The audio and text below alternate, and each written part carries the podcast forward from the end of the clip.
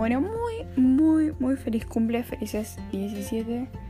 Espero que lo estés pasando lindo. O si ya terminó el día de tu cumple, espero que lo hayas pasado lindo. Y bueno, lo que sea, espero que estés contenta, feliz y todo, todo, todo, todo lo lindo que te haya pasado en tu día. Bienvenida a tu podcast, tu, no sé cómo se dice esto.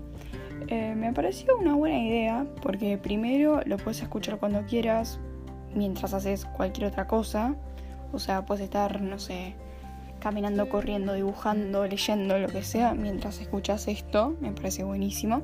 Y segundo, porque nunca a nadie se le va a ocurrir hacerte un podcast. O sea, yo creo que, que, es algo muy raro. Así que, nada, te lo hago yo y que quede, quede para la vida. Y aparte no te ocupa espacio en el celular. O sea que, nada, excelente. No, no hay nada mejor que esto. Es, es lo mejor que puede haber. Porque si te hago un video, aparte que ya lo hice el año pasado, un video mío hablando 5 horas, te ocupa espacio, es un bajón y esto, me parece que está buenísimo. Lo malo es que es público y cualquier persona lo puede ver. Aunque no creo que alguien venga a escuchar esto, es como que muy raro, no sé, bueno. Pero por eso mi cuenta es anónima y me llamo la amiga de Martu, ¿no? Me parece súper inteligente también. Eh, bueno, nada.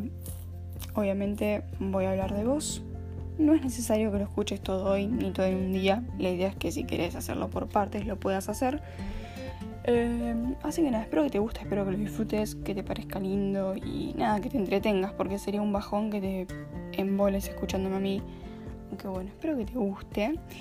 Y nada, la musiquita que, la música que está de fondo es un bajón, pero es la única que me deja poner. Así que bueno, para evitar complicaciones, hago las cosas como me dicen acá.